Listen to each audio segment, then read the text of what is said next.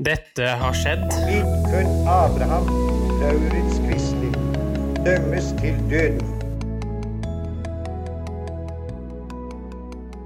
Generation X versus Z. Sandberg Productions presenterer Den ekte samtalen om og med generasjon X og Z. Hold deg fast og nyt. Hei, hei, kjære lytter, og hjertelig velkommen til dagens episode av Generation X versus Z. Og i dag, kjære kompanjong, så skal vi starte eh, nok en gang med en todelt episode om eh, dronning Elisabeth den første av England og Wales denne gangen her, da. Hva har du på hjertet, for du skal jo begynne med denne episoden, eh, kjære kompanjong. Ja, vi liksom prøver å fordele litt, og jeg skal kanskje ha en hoveddel på i dag, mens du skal ha neste korsvei. Ja, Jeg har et spørsmål, jeg, vet du. ja, kjør. Hvorfor i all verden hadde du et sterkt ønske om å ha Elisabeth den første? Nei, altså det er jo da etter min mening av hva en moderne kvinne bør være. Jaha. Det som blir interessant nå, er at vi kommer til å bli bedre kjent med Elisabeth den første, og så Ja. skal jeg ha da i baktankene at det er en sånn kvinne, dame, som min sønn Henrik eh, kunne tenke seg kanskje å gifte seg med. Eh, I min ideelle verden kanskje. Veldig okay. stort kanskje. Grunnen til det er også fordi jeg har en eh, underliggende kjærlighet for eh, dronning Elisabeth den første, da. Eh, som person. Hvorfor det? Nei, liksom, hun hadde den der morsrollen veldig tett inntil brystet sitt, eh, metaforisk. Og ja, jeg, vil, jeg ville på en måte sette meg inn i det, og så fikk vi det som en oppgave i engelsk fordypning på eh, VG1. Å skrive om en monark i Tudor-huset, som det jo het. Eh, Og da valgte jo jeg selvfølgelig Elisabeth den første, litt fordi hun ble kjent som jomfrudronningen, eller The Virgin Queen, og litt andre ting, da. Det vil si at du ikke skal gifte deg, Henrik? Eller? Og, eh, det er ikke sånn forbildetyp? Nei, nei, nei, nei, nei.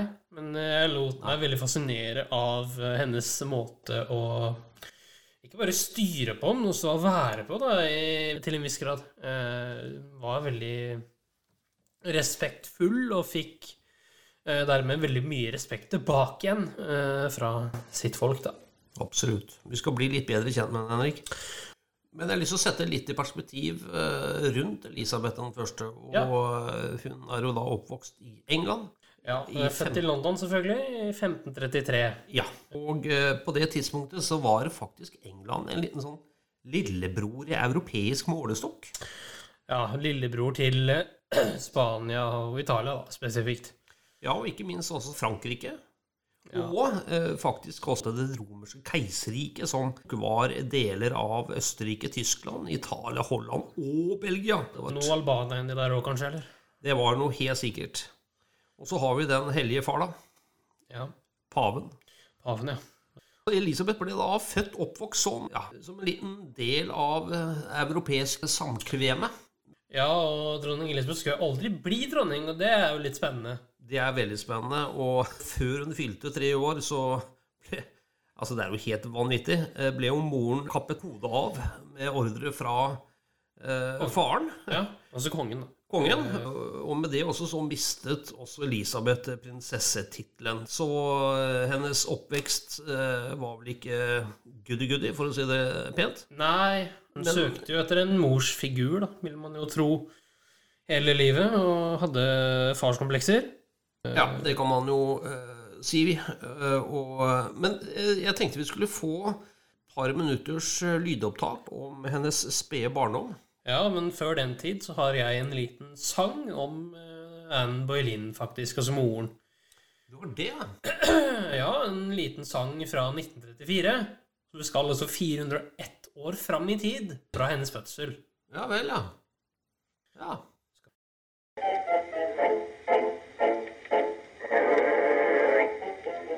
The Tower of London, large as life, Large as life, the ghost of Anne Boleyn walks, I declare. he declares, With her head top, head top, her arm.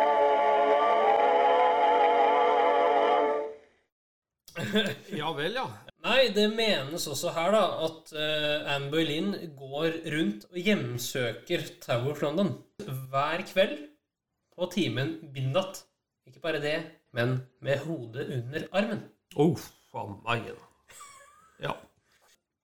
Men du hadde noen greier om barndommen hennes til Elisabeth? Ja, eh, vi har jo funnet flere episoder. Eh, Kan du fortelle litt om hvor vi har funnet det? Nei, det er jo fra arkivet da, til NRK, eh, med programleder Richard eh, Herman, norsk programleder sådan. Tidligere London-korrespondent for NRK, har lagd en serie med programmer eh, om eh, Tudor-huset eh, i engelsk kongefamilie. Da skal du spille av deler av det programmet, var det så? Ja, Jeg sitter her med en knapp som du vil jeg skal trykke på. gjerne det. Det var blitt september, og den syvende nedkom Anne Boleyn med sitt og kongens barn. Gledesbålene sto ferdige til å bli tent i London og utover landet. Kanonene i borger og festninger var gjort klar for den kongelige salutten. For sønnen, som Henry hadde ventet på så lenge. For tronarvingen, for den fremtidige kong Edward den sjette av England. Og så viste det seg at det var en pike. Tre dager senere ble hun ført til dåpen i sognekirken i Greenwich og fikk navnet Elisabeth. Hennes far, kongen, viste seg ikke. En horunge, sa paven og prelatene i Rom. De hadde fremdeles ikke godkjent skilsmissen til Henry, og der fikk han som fortjent. Vi røper vel ingen hemmelighet når vi sier at det allerede nå begynte å brenne et blått lys over Englands nye dronning. Voldsommere og blodigere tider er ikke langt unna. Elisabeth prøvde å ta sine første skritt og strevde med sine første rare engelske ord. Hun var for liten til å skjønne frykten i morens skremte blikk. Og godt var det, for forferdelige ting skulle skje med Anne Boleyn og andre som kom etter henne i favnen til Henry den åttende. Ja, det var altså et lite lynkurs. Altså, du liker jo Elisabeth den første. Ja. Eh, og jeg har funnet iallfall to likhetstrekk mellom deg og, og henne. da. ja, jeg er veldig spent her nå. Ja, det, det kan jo for så vidt være. Det er altså flere, det tar vi etter hvert. Men uh, hun var jo veldig belest. Hun eh, likte å gå ned i, i, i dybden på ting. Språk, Henrik. Ja, hun uh, var veldig språkmektig og kunne derav de søreuropeiske språkene. Det er jo da spansk, portugisisk, italiensk osv. Og, og fransk, selvfølgelig, og latin. Ja, ikke sant? Så hun var jo utrolig språkmektig, og det er jo du òg. Dere hadde jo da dere hadde kommet godt overens med liksom interessen for, for språk. Ja, jeg tror også han kunne russisk. Ja, for ikke snakke om gresk. Hæ? Gresk. Gresk, Gresk òg. Ja, Ikke sant? Jeg tror dere hadde hatt, uh, hatt det gøy sammen. Ja, tror det, òg. Altså, De hadde guvernanter, vet du. Og guvernanter var jo da disse hva skal vi kalle det, hoffpiker. Ja, eller ja, eller lærere, eller Ja, gubler. Altså, det var veldig mye de kunne brukes til. da. Ja. Det var uh, ganske uh, ja, anvendbare. Eh, Hennes første, altså Elisabeths første guvernante het Lady Bryan. Kult navn. Lady Brian, ja, det er jo gøy, da. I Norge hadde man jo Knut. Damenavn. Ja, riktig gamle dager. Det var så damenavn eh, før i Norge, altså. Men det var jo 200 år etter det her, da. Så det, er sant. Men eh, tilbake til hun Lady Bryan. fordi at hun prøvde å beskrive Elisabeth da hun var veldig veldig ung, altså et barn. Og altså, det er jo som om jeg skulle ha skrevet dette her til min egen sønn, altså eh, til deg, Henrik. ja. Hun skriver følgende Så du rapper Lady Brian? Jeg rapper, jeg rapper det her. Ja. Lady Brown mente at Elisabeth var så likefrem. ja. Det betyr mer direkte, stå på vilje. Ja, litt og mer frem. frampå, ja. Ja, litt der. Men på en positiv måte, da. Mm, ja. Så Så likefrem et barn, og av natur så mild som noe barn jeg har kjent i mitt liv. Åh. Mm. Stort hjerte sendes deg, gutten min. Ok, takk. Hva tenker du? Er det visse likestrekk mellom deg og Elisabeth som barn? Ja, jeg vil vel si det, ja. Ja. Så dere både har delvis lik personlighetstrekk, men kanskje også av interesser. Det er ikke rart du liker Elisabeth det første, vet du. Nei, nei, nei. Det er det ikke så rart i. Uh... Henrik, eh, vi må høre mer fra lydopptaket eh, NRK hadde om Elisabeth 1., for her er det mye, mye gull. Jeg tror vi kjører et lite opptak nå på ca. åtte minutter, som beskriver litt, grann slik at vi blir bedre kjent med Elisabeth. Ja, eh, og bare så det er sagt, det ble sendt for første gang i 1985. Kjør på. Takk. Henry hadde helt mot slutten av sitt liv tatt til nåde igjen de to døtrene fra sine første ekteskap og gitt dem tilbake arveretten til tronen. I testamentet hans sto det at først kom Edward, det yngste barnet og den eneste sønnen, og hvis han ble uten etterkommere, så var det Merys tur, datteren til Catherine av Aragon, og først deretter, helt til slutt, ville Elisabeth få sin sjanse. Det ble seks år på Edward og bare fem på Mary, så var de ute av dansen begge to.